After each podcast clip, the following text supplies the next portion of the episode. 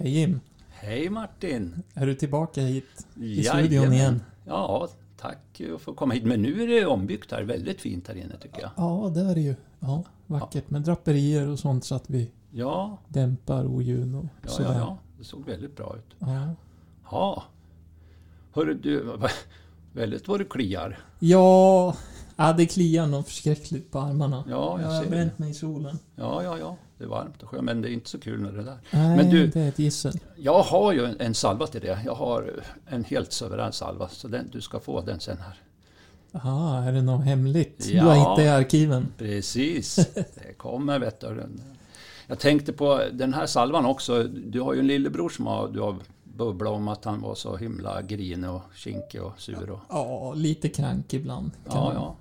För den här salvan, du smörj in han med det. Den hjälper även för det. Så du kan smörja in han och så ser vi. Han kommer säkerligen att bli väldigt glad och Ja, trevlig. jag, jag tror säkert att han blir jätteglad om jag åker över till honom och smörjer in hela han. Det ska vi göra.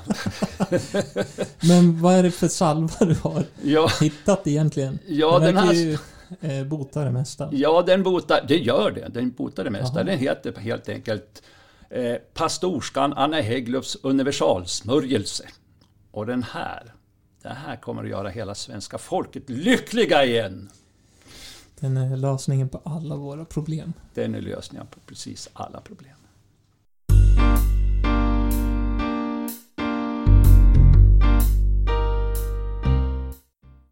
Ja, men hej och välkomna ska ni vara allihopa till Riksarkivets podd Dokumenten berättar. Som spelas in i vår studio i Landsarkivet i Östersund. Jag heter Martin Ahnström och jag är arkivarie här. Och med mig in i studion, återigen, har jag Jim Hedlund, arkivpedagog. Och idag så ska vi prata om smörjelser. Ja, hej och tack för att du fick komma igen. Ja, du ser ju här att jag har tagit med mig en stor tjock bok.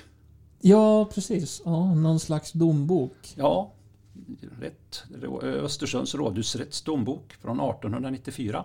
Ja, just det. I dem finns det ju en del historier.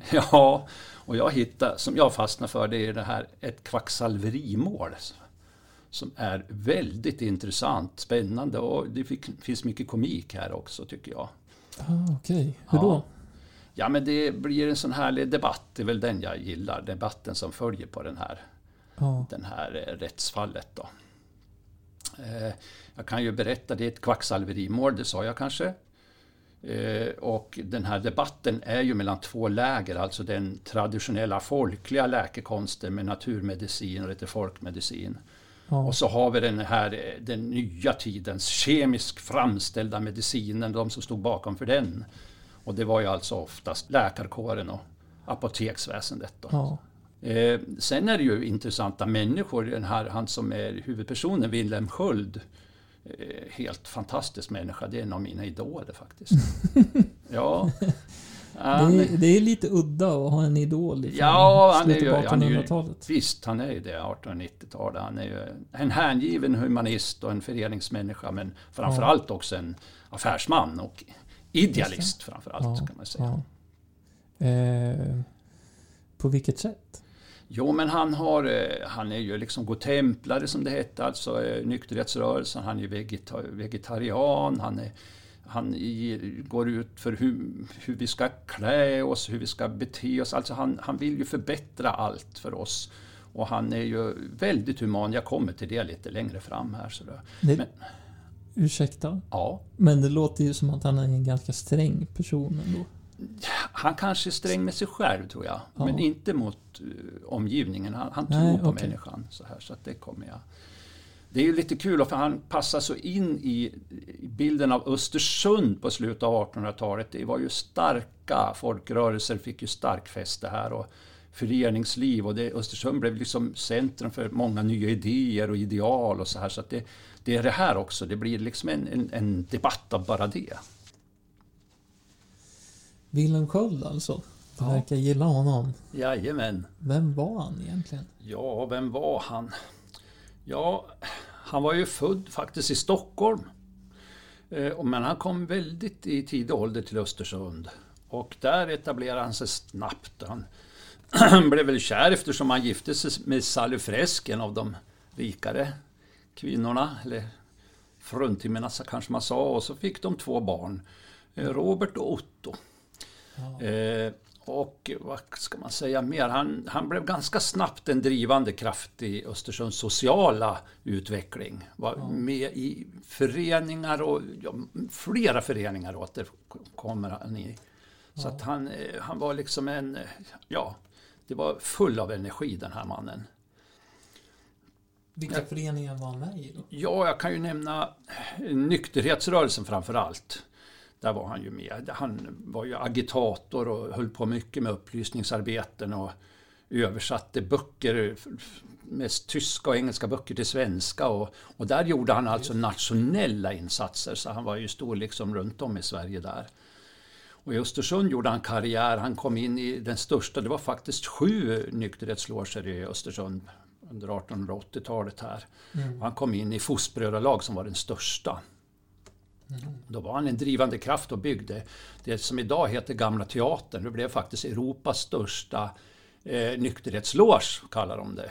Ja, det. Det ja. tog över 3000 personer. Där byggde de på ett år, helt ideellt, kvällstid. Och han var ju en drivkraft i det här, så att han var ju en av, dem, en av många, men en stark drivkraft. Sen in i hela distriktet här i Jämtlands län så var han skattmästare, så att han, hade, han var ett stort namn där. Som sagt, utifrån det så drev han också lånebibliotek Okej. ja, och drev en egen bokhandel. Ja, Så att det var ju ett engagemang. lite kontraproduktivt. Han Ja, ja, ja, ja. böcker och sälja. Ja. Och, och sen en annan grej. Eh, en annan eh, del i det hela så var han var ju ve- vegetarian. Ja, just det. Han var ju stort engagerad i vegetarianrörelsen också, eller som det hette då, Samfundet för befrämjande av ett naturenligt levnadssätt. Ja. Det blev senare Svenska Vegeta- Vegetariska Föreningen det här.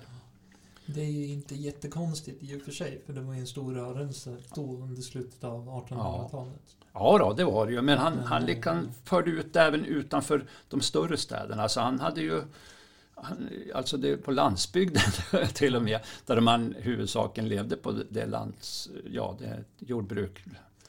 eh, Vad heter det? Ja, producerar så här va. Men han hade kurser i grönsaksodlingar och höll brandtal och gjorde skrifter och vad som var bra. Jag kan ju... Jag läser ett brandtal förresten. Kör! Vill du höra ett? Höra. Ja, ja. Jajamän. Man måste gå till roten med det onda, till törsten och dess orsaker. Den som äter kött blir animaliserad och brutaliserad. Vad sägs om det Martin? Jajamän. Du håller med va? Ja, lite grann. Jag håller inte med han helt, jag äter kött. Men, eh, och sen så för han ju även in det här med alkohol. Spriten och andra droger förstör människans moraliska och andliga liv, säger han ju här. Ja. Ja, vad Undrar vad han menar med droger där? Ja, droger och ja, det är sant. Han blir ju han är ju med sen, det kommer ju här också i rättegångs, eh, de här handlingarna här att vad han, jag tror, jag tolkar att mycket av de här drogerna han säger också är väl den nya läkemedlen som kommer fram på kemisk väg som är på frammarsch rejält i, i Sverige då.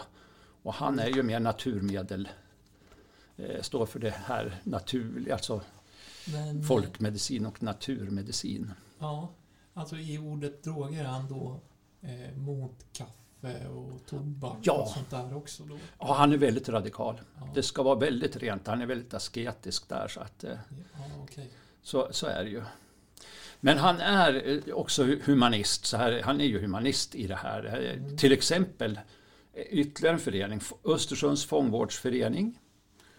Eh, bildade han där då. Han, han såg ju hur många unga brottsdömda som hela tiden återföll och de hade som ingen chans när de väl kom ut. Så han, han eh, startade upp fonder och grejer så att de skulle kunna börja ett nytt liv och kanske komma ut på praktik och jobb och till och med få pengar och startkapital och flytta till, jag såg till och med någon som kunde ta sig över till Amerika liksom. Som Mm. hade drömmar. Så han, han verkligen jobba energiskt inom de här bitarna. Backa bandet kanske 70 år tillbaka i tiden så har vi en ganska stor kontrast i hur man behandlade fångar. Absolut, absolut. Det här, nu, han skulle liksom vårda och han trodde människan kan utvecklas och bli goda bara de får chansen. Det var hans liksom paroll. Då. Ja.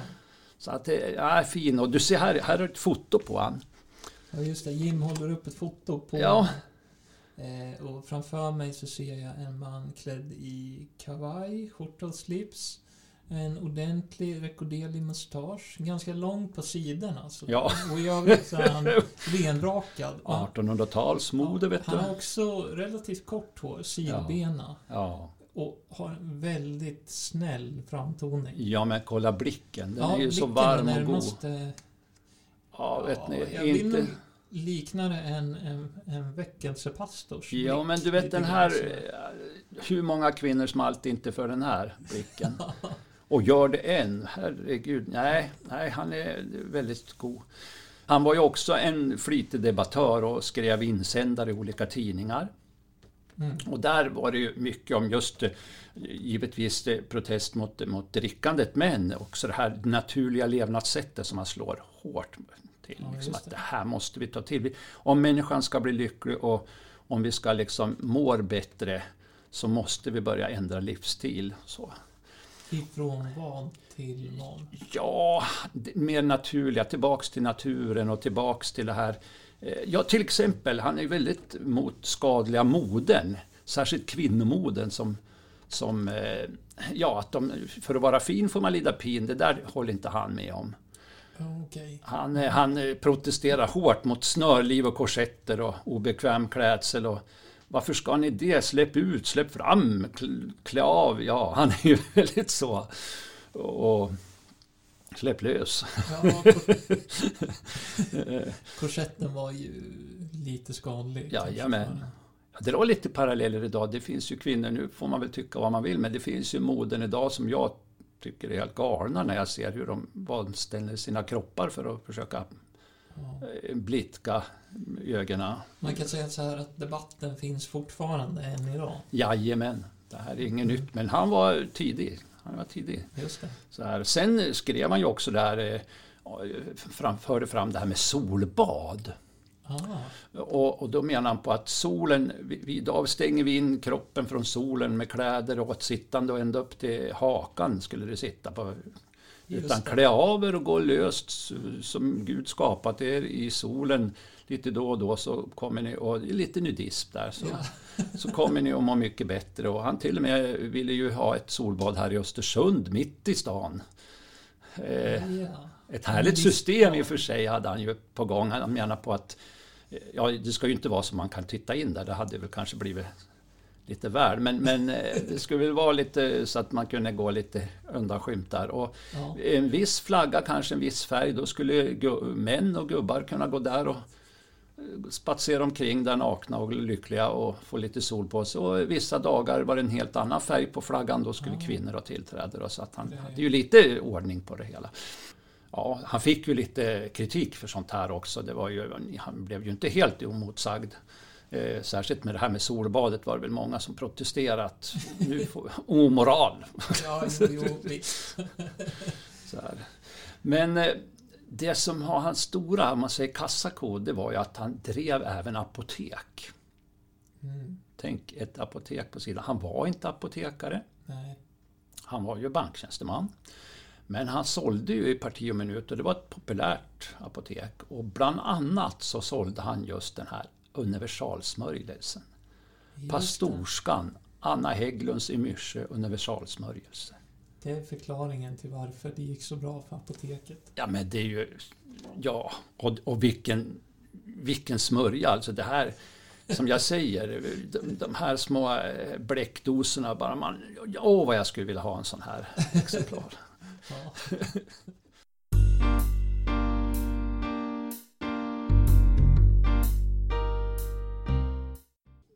Salvan då? ja. Vad vill du Hur var det veta? med den? Ja, vad vill du Hur får jag veta? tag på den? Nej men... Vart eh, har du gömt den? Ja, ja, om jag det visste. Vad fanns det i den? Vad fanns det i den, ja? Hörru, du, eh, det står ju att eh, den hade, innan han köpte den, den, han gjorde reklam, alltså att den här smörjelsen hade varit aktiv, eller vad man ska kalla, eh, i då, Det var ju den här prästfrun, Anna, Anna Hägglund i Myrsö, Ja. som, som hade den här. Och i 35 år hade hon yrkat den här då. Ja. Folk fick komma hem dit i, i ett stilla prästhem på landet. ja, just det. Då var det trovärdigt, vet du. Ett stilla prästhem. Här var det inte något hysteriskt, utan det här låg man lite lågmält och hjälpte folk lite. Lugnt och skönt. Lugnt och så fick och man återhämta sig. Alla mår bättre av den här smörjan. Mm. Eh, Willem kom ju över den lite senare. Han köpte faktiskt patenten på den här Ja, okej. för 5000 kronor. Vilket är ganska mycket pengar. Ja, det måste det ju ha varit då. Ja, absolut. Och han, men det är ju meningen att här ska det också regera pengar och det gör det ju som sagt. Eh, han kan ju inte fixa det här helt själv utan han tar en medhjälpare. Det blir en barberare i Östersund. Han heter Per Mikael Nilsson. Mm. Hjälper han med lite försäljning och kanske lite av framställningen där. Ja, För de, de börjar ju tillverka den här på plats då. precis. Och eh, eh, det var ju, om man säger, det enda jag vet är att eh, den salvan, det var liksom indelat i två, i två do, en bläckdosa, en liten bläckdosa som, eh, där smeten var i. Det var ju där på locket den här lilla gumman var avbildad. Eh, Anna Hägglund, givet troligtvis då, Ja. pastorska. Antagligen. Och så en liten pappask med hennes ansikte med också. Och där var pulvret då. Så man skulle kunna mixa det här utifrån behov. Hur mycket effekt man ville ha. Ja, precis. Och vad det var man ville bota då. Och, så här. Eh, Okej. och det var faktiskt... Eh, pulvret innehöll 16 olika slags ingredienser. Sa jag det? Kanske jag sa. Eh, Ja, du sa det nu precis. Jaha. Ja. Men Och det här var ju vackert paketerat och så sålde man vet ni. Han hade ju lite modernt sätt att göra affärer står det då. Han, eh, det står ju till och med det att han har braskande annonser och så här. Så han drev ju liksom det med annonser överallt i tidningar, inte bara runt i Jämtlands län utan runt om i landet. Ner i Malmö och Stockholm och, och till och med utomlands. London, Paris tog det sig till. Och det här gick bra, vet du. Alldeles för bra. och ja, ska vi kolla va, va, va, varför gick den så bra? Ja, jag vill gärna höra. Eh, ja, men du kan väl få lite här, hörni, eh, gott folk som lyssnar på det här. Om ni nu skulle råka ha engelska sjukan nu då, det kanske ni inte har idag, men då kan ni ju givetvis smörja in er med det här. Men annars så är det ju också mot ältan, mot skabb, klåda, sår, utslag, icke-veneriska utslag i och för sig, skrovler, skrik, ja skrik, brytningar, oformligt huvud, ja du hör ju själv, stor, hård eller dålig mage, mm. eller liten eller ingen matlust alls, nej. perfekt, klena ögon, tänker vad fantastiskt, eller det här, gretli, retligt, grinigt och envist humör. Smörj, tänk vad många som kan komma hem till sin andra hälft och börja smörja in dem det första. Man, vilka underbara eftermiddagar man kan ha. Eh, blek hy, orolig sömn. Martin, du har ju sovit lite dåligt. Du. Ja, ibland. Det händer ju. Ja. Ja. Ja, men det, jag vill väl inte säga att du är så här, men de som har mjuk och svampig kropp, knölar på händerna, ont i fingrarna och ont i knäna och fotlederna. Du hör ju. Ja. Eller oförmögenhet att gå, stå, krypa eller tala. Jag tror jag har sparat en sån där burk kanske. Krokiga ben, snedvridna fötter och höfter och ryggrad samt orkeslöshet och allmän svaghet. Funkar såväl på äldre som med barn. Alltså, det, den är ju mot allt. Du får ursäkta mig, men hela den här annonsen har ju en ganska stark eh, är av kvacksalveri, tycker jag. Eh, Det är ju den här annonsen. den- den är ju så här, den, faktiskt så är den ju, vi tittar i den, det är en bilaga som är den här i, i domboken då. Och att jag överhuvudtaget hittade det här, det var ju för att den här stack till och med ut det här det. bladet lite utanför domboken. Så när man är nere i arkiv ibland och hittar sådana här saker så tittar man, jag höll väl på att titta på något annat. Ja. Och så, men vad är det här? Den stack ut, så bläddrar jag upp och så faller hela den här bilagan upp med det här. Och, Ja. och jag fastnar ju direkt. Va? Lösningen på alla dina pro- problem. Ja men det är ju precis allt. Och det finns ju någon, eh, han är skräddarmästare från Brunflo, han säger när jag var ung så hade han ju så mycket finnar. Ja, Det var jättejobbigt och han smörjde in sig med pastorskan Anna Hägglöfs universalsmörjelse. Det föll av honom som fjäll. Sen har han aldrig haft problem med det här. Och det, ja, men jag hör, ni hör ju själv. han kanske hade en eh, skrikig lillebror också. Han hade säkert en skrikig lillebror eller något. Smörj in. Ja. Grinig fru, sen smörj in. Nej men det är ju, det är underbart. Men det är ju som du säger, den här annonsen eh, retade ju gallfeber på läkarna. Och Ja, det, blir ju, det, är ju det, det är ju därför det har blivit en rättegång. Mm.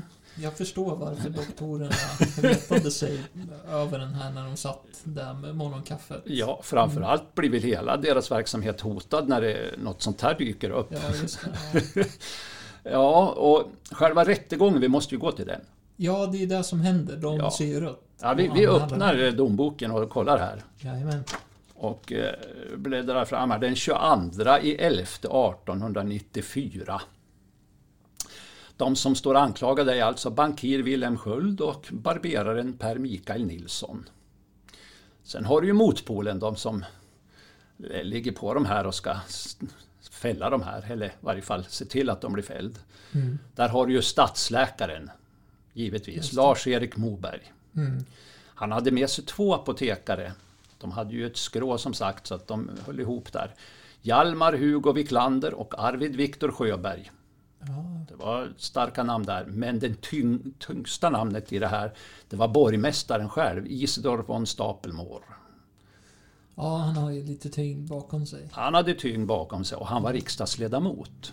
Just det, då hade han pengar också. Jajamän, och han skulle ju föra det här vidare senare, visade sig till riksdagsnivå. Då. Eh, De hänvisar ju faktiskt till ett privilegium som de hade i, i ryggen då, då för att visa varför det här var fel.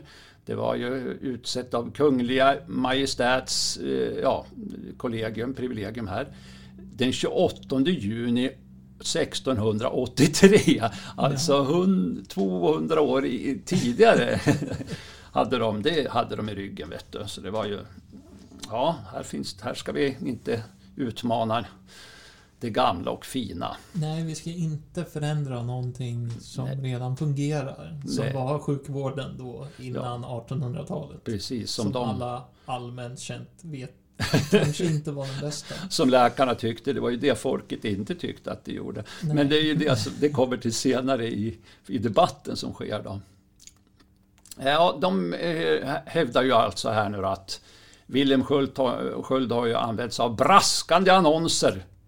Och, och, och det är ju alltså helt enkelt falsk marknadsföring. Så här kan det bara inte fungera menar de ju på. Då. Nej, nej, nej. Som du säger, den kanske är lite värd. Ja, ni ska se den här annonsen. Den är ju, man är ju man är direkt oansvarig om man inte handlar, står det ju här. Där. Ja, precis. Så Ja. att man, du får ju dåligt samvete, men jag blir glad. Ja.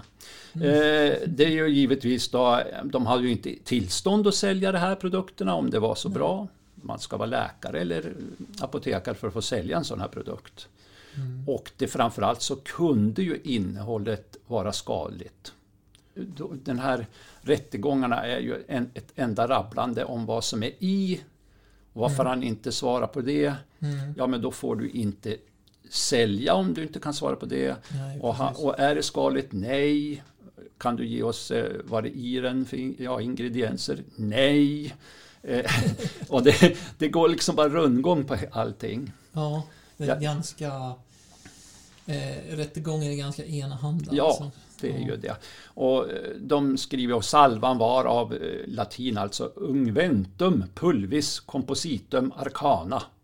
Ja. Alltså ett hemligt sammansatt salva av pulver och det, det, man får inte det, tycker de. Så att eh, de ligger ju på här eh, hårt och de pressar ju han att eh, kan inte du ge med dig och tala om vad det är i den då, då, ska, då konfiskerar vi det här. Ja. Och så ligger de ju också på att de, det ska bli 500 kronor i böter på det. Mm. Mm. Mycket pengar då. då. Mm. Men det kanske han hade tjänat ihop. Det hade han säkert tjänat ihop. Men, men det hela kan man säga det är ju inte slutet, men själva rättegången avslutas. Det blir ju ändå, han, han slutar ju helt enkelt säljer produkten. Han blir eh, Ja, skyldig till sitt brott då. ja han, han, han vägrar lämna ut ingredienserna och då får du inte sälja. Nej, men då gör jag inte det. Ah, okej. Han släpper Ja. inte dem. Ja. Men Och- de dömer honom som... Ja, han får böta 12,50. Ja, det var ju väldigt mycket pengar. Ja, 12,50 det är ju lite skillnad på 500 och Jo, och 12,50. 12,50 kanske är en komplett kostym. Ja, Ja. så att det, väl- jag vet inte. Det var väl en förlust för båda och framförallt den här eh, Isidor von Stapelmore, borgmästaren, ju, vill ju se ännu hårdare tag. ja. Så han driver ju det här. Nu blir det ju en debatt i både tidningar och som sagt upp i riksdagsnivå. Och han driver ju det här och, och tycker att det olaga medikamenthandel det borde ju bestraffas lika mycket som de som använder sig av olaglig tandvård. Som vissa gjorde då, upp i 500 kronor. Och då har ni de här två sidorna. Det är alltså myndigheternas eh, ja, läkarkår, apotekare Mm. som hävdar att farlig verksamhet måste stävjas. Det var kvacksalveri, ovetenskapligt och direkt lurendrejeri. ja. Men den andra sidan som visade sig vara en väldigt stor sida på 1880-tal, 90-tal. Eh, alltså där man, det står bred allmänhet som eh, det var, de stod för det här lite mera eh, folkliga läkekonsten. De tycker att de vände på det här att läkarhögmode kallar de det här. Mm. De vill bara befästa sitt skrå och de är avundsjuka och giriga. De vill ha monopol på allting. ja. Någon skriver det, det, snart blir det väl brottsligt att inte tillkalla en dyr läkare när man är sjuk, är det någon som säger. Och, Jaha, så nu ska vi bliva dessa läkares fullständiga slavar och försöksoffer. det, är ju, det är ganska tydligt. Och, och den här tycker jag är så härlig. Den här Hellre naturlig behandling än läkarinsprutning av gifter som förvandlar patienten till ett levande apotek. Och förresten, man blir fattig på köpet. Så här, det är ganska, det är, ja, det är ju verkligen två, två mynt. Undrar vad han Sidor menar på med- mynt.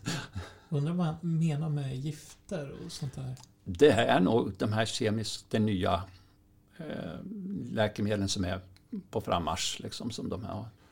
Eh, det var ju någon som skrev också, Wilhelm Sköld, han vill ju verkligen att man ska bli frisk. Det visste man inte riktigt om läkarna ville. Nej, just det. Det kunde man kanske inte lita på. det. Nej.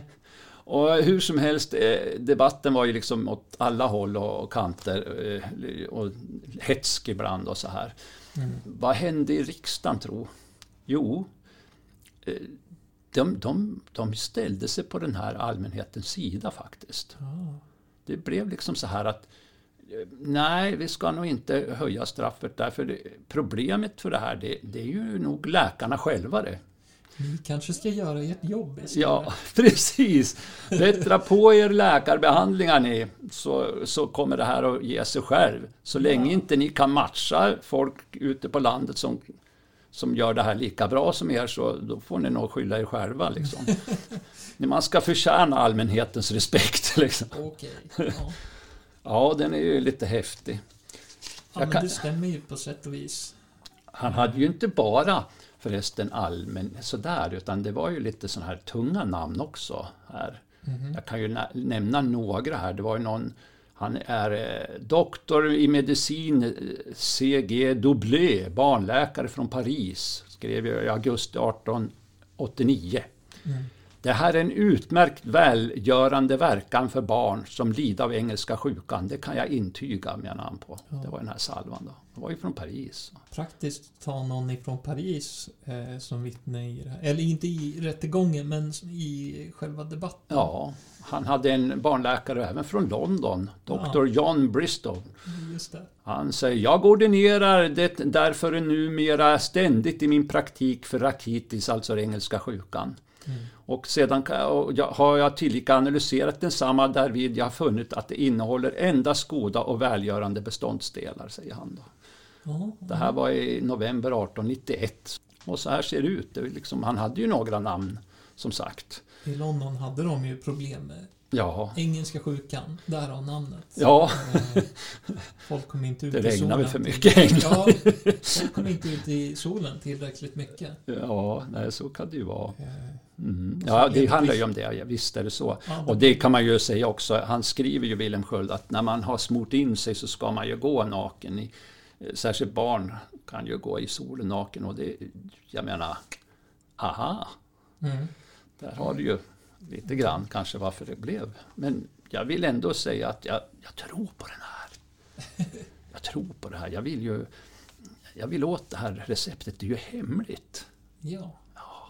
Han vägrade ju att ja, berätta ja. vad som fanns i. Ja. Eh, mm. Och det vet ju ingen än så länge. Nej, det är ju det. Jag skickar ut här en boll rätt ut till alla. Leta i små vrår, hitta den där lilla bläckdosan med den där lilla gumman på. Ring mig!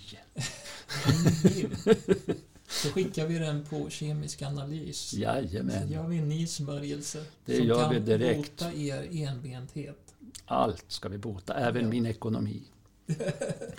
Hörru du, ja... Ja, så Wilhelm Sköld kom undan ganska lindrigt. Eh, hur gick det sen då för honom? Ja, hur det gick sen? Han har ju... Han var ju sjuklig faktiskt. En stor del av sitt vuxna liv. Han hade faktiskt tuberkulos. Och var ju energisk, jobbade ju så gott som jämt. Och du, ja, du såg ju själv när ja. vi radade upp allt han var engagerad i. Precis. De kan ju knappt ha haft något privatliv. Hur ens kom de där barnen till, tänker jag. men, eh, men så var det ju. Och eh, han eh, körde väl på vidare där med sina naturmediciner som han han hade ju andra naturmediciner förstås. Mm. Och eh, han var ju ute liksom missionerade om naturenligt levnadssätt och det här. Och skrev också att eh, frukt och grönt eh, det var ju tillräckligt och det var faktiskt tillräckligt med vatten i frukt och grönt också. Så han, eh, han avbröt att dricka vatten ett tag där då, då och eh, han ja. blev ju svagare och svagare. Och, ja. Och till slut så, så dör han. Det här är ju bara ett år efter den här rättegången. Just det. Så det blev väl en kort lycka kan man säga efter det här. Ja, det är ingen bra idé att inte dricka vatten. Nej, han, han kan man säga föll på sin post, men han var ju radikal och jo. idealist. Han ja. verkligen stod med flaggan i topp där. Ja. Det måste man ju säga. Han, han, eh, han hade väl kanske dött ändå eftersom han hade lungsot då, tuberkulos. Jo, men, där, ja. men han skyndade ju definitivt på det hela. Mm. Och jag tänker ibland lite grann, han visste ju om att han hade det här och, och sjukdomen alltså, åkomman här. Och, och eh, läkarna var nog, ja var ju maktlösa. Så, här. Mm. så han sökte nog han sökte nog eh, alla botemedel mm. och, som han kunde hitta, försökte hitta och det var väl mycket i natur. Ja, precis. Och, och, det är väl kanske också förklaringen till att han var aktiv överallt också? Ja. det bara en han begränsad var, tid? Ja, han, det kan nog vara så. Det, ja. det, det, här är ju bara tolkningar. Det, det, är ju så det är när man jobbar med ja, dokument så här. Man tolkar och försöker. Men eh, det, det, kan nog, det är nog, vi är nog ganska nära hur det, hur han fungerade. Ja. Jag kan läsa nekrologen på honom i varje fall. Där står ju någonting så här att Wilhelm Sköld arbetade alldeles för hårt med att hjälpa alla andra. Hans egen hälsa undergrävdes till följd av arbetsgiver och nattligt arbete, står det. Mm. Ja. Men allt för ärlig i dessa hänseenden ådrog han sig lungsot och dog. Ja. Och eh, hans gravsten, det är på Norra kyrkogården här i Östersund, är ju enorm! Alltså, stor, stor gravsten.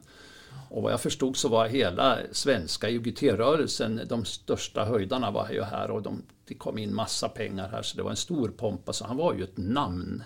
Just det här. Men han var ju, dog ju ung också, 35 år bara. Ja, han är ganska ung på det här fotot. Ja, ja. ja. Mm. Så är det. Men eh, salvan här, som sagt. Eh, jag kan ju berätta några ord om den på slutklampen här. Det är ju så här, Sally, hans fru, änka nu då. Eh, efter ett par år så återupptog hon tillverkningen och försäljningen av den här. Mm. Ja, och den gick faktiskt, man kunde köpa de här små bläckdoserna eh, ända fram till 1930, alltså 40 års tid. Mhm. På 1930-tal så fanns de ute i butikerna. Ja. Men det var inte rätta originalet. Då är ju min fråga, var den lika bra då? Det undrar jag. Det. Det står, hon eh, hade bara nio ingredienser av det här och de var namngivna. Ah, det är ju inte ens hälften. Nej, det är ju inte det. Det är mycket prat om ingredienser. Eh, Ja. Vilka var de? Har du någon koll på det? Eh, nej, det har jag. Eh, Det brukar vara normal, nej, nej, det har jag. Det måste jag ta reda på. Men Ja. normalt sett så var det ju alltid lite ister. Det kunde vara dyvelträck, det kunde vara eh, bävergäll och massa sånt där liknande eh, illaluktande grejer. Vitlök, kamfert, Mm. ja, Mm. eh, typ sånt. Men det var ju också örter och eh, från blommor och Ja, olika Ja. eh, medel. Då, så här. Ja. Så det, men nej, jag, jag har inte satt mig in i det här. Det är ju det jag vill göra nu. Så här. Så att, Så att det, det- det finns alltså två varianter av Ifall någon av er där ute hittar den här salvan så kan ni ha hittat så kan ni alltså hitta den gamla salvan eller den nya salvan. Ah. Eh, och ge mig ut efter den gamla. Jag är ute efter den gamla. Det är jag. Och jag vill gärna eh, ja, höra av er. Så, jag blir så lycklig om ni hör av er. Alltså. Ja. Jag kan ju säga en till, som jag, en oberoende arkiv från ett helt annat arkiv så står det också om den här salvan. Ja, Och det är just den här med lillebror. hon, hon hade en lillebror, den här flickan, som var så grinig och de smorde in han med pastorskan Anna Hägglöfsen. Och sen var han helt underbar, den där lilla barnet. en from liten ängel. ja, ni hör ju. Ja, Ja. det här kan ju bli... Tänk vilka harmoniska familjer och hur vi blir på jobb och arbeten och Mm. hela världen ska smörjas in. Mm. Vi ska missionera vi, vet du. Ja, vi kanske ska sätta en punkt där vad Jajamän. det gäller salvan. Vi lämnar den tråden Ja. öppen. Ja, kanske här, kommer vi tillbaka till den någon gång i framtiden. ja, jag hoppas ju det. Och som sagt, eh, det, vad man kan hitta i arkiven, det är ju Ja. av en slump liksom, sticker Ja. ut. Och, och så, Det är ett fantastiskt material. Ja, ja, de här ja. domstolsprotokollen, Ja. domböckerna. vilken skattkammare alltså. Ja. Här kan man ju verkligen ja, men lära sig. Man blir nörd. Ja, man kan nörda ner sig i det mesta vad Ja. gäller samhället. Ja, ja, Det är inte bara brottslingars eh, liv som skildras i Nej. domstolsprotokoll, utan det är andra också. Absolut. Och sen eh, det är ingångar ibland som det ena leder till det andra så har man Precis, plötsligt en eh, jättehäftig eller spännande berättelse. Man får, man får ett litet skeende i historien Ja. som har en, ett tydligt, en tydlig start och tydligt slut. Mm. Och sen så får man liksom forska vidare på, ja men vad hände sen? Och, eller varför blev det så här? Och så. Man lägger pussel helt enkelt. Ja, Så. det får man göra. Eh, och när vi pratar ändå om, om domböcker så här så nästa podd, vi kan väl på den direkt? Det får vi göra. Jag slutar Ja. nog här. Ja. Nästa podd, eh, eh, det kommer ju också handla, det är ju alltså ett dommål och det handlar om, än en gång om folktro, alltså ett trolldomsmål. Ja. Ja, en process där då.